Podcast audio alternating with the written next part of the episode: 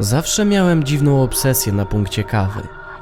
Nie jestem pewien czemu, ale wydaje mi się, że to z powodu tego uczucia, kiedy gorąca ciecz spływa przez gardło aż do żołądka, a przez ciało przechodzi wszechogarniające ciepło. Niemniej jednak do rzeczy. Siedziałem przy stoliku popijając kawę. Boże, jak ja kocham swoją pracę. Pomyślałem do siebie z uśmiechem na twarzy i kubkiem w prawej dłoni. Zerknąłem na kolegę, który siedział naprzeciw. Skoro nie masz zamiaru jej wypić, to dlaczego prosiłeś mnie, abym ci przygotował? Nie odpowiadał, gapiąc się na mnie pustym wzrokiem. Wzruszyłem ramionami. Więcej dla mnie. Sięgnąłem przez stół i przysunąłem do siebie jego kubek. Pociągnąłem jeden długi łyk ze swojego, wypijając całą zawartość. Zwróciłem się w stronę kartek papieru leżących przede mną, szkicując kilka rzeczy i zabrałem się za drugi kubek. Ziewnąłem w lewy rękaw, przerywając rysowanie na tę krótką chwilę. Przetarłem oczy i spojrzałem na kolegę. Z tego co pamiętam, miał na imię David. Zajrzałem w stronę telewizora w kuchni i zacząłem oglądać najnowsze wiadomości. Wiadomość z ostatniej chwili. Kolejne ciało zostało odnalezione.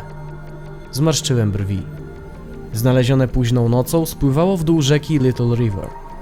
Odpowiednie źródła powiadamiają, że było poważnie pokaleczone w wielu miejscach oraz miało wycięte słowo fear, czyli strach, lub w tym przypadku bój się na brzuchu.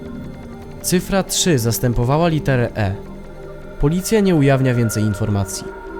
To były Action News na żywo, prosto ze studia. Westchnąłem, kiedy program się skończył.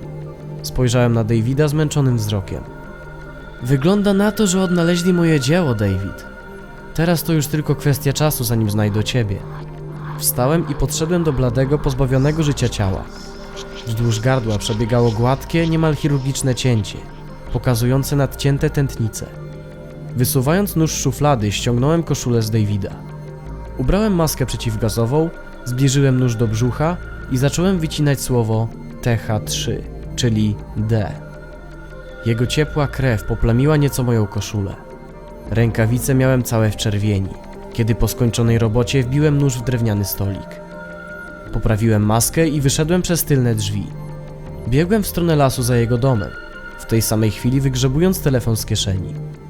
Wybrałem 911, bo w głowie pojawił mi się cudowny pomysł. 911, proszę wyjaśnić sytuację. Dzień dobry, chciałbym zgłosić morderstwo. Dobrze, proszę podać miejsce zdarzenia. Nie, nie, nie, wtedy nie byłoby żadnej zabawy. Odwróciłem się i cisnąłem telefonem w stronę domu. Nie byłem daleko, więc uderzył w trawę na podwórku. Pobiegłem dalej w głąb lasu. Następnego dnia przejeżdżałem obok domu. Gliny wciąż tam były, analizując dokładnie miejsce zbrodni.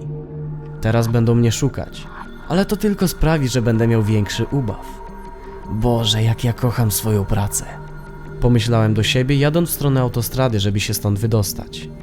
Na jakiś czas.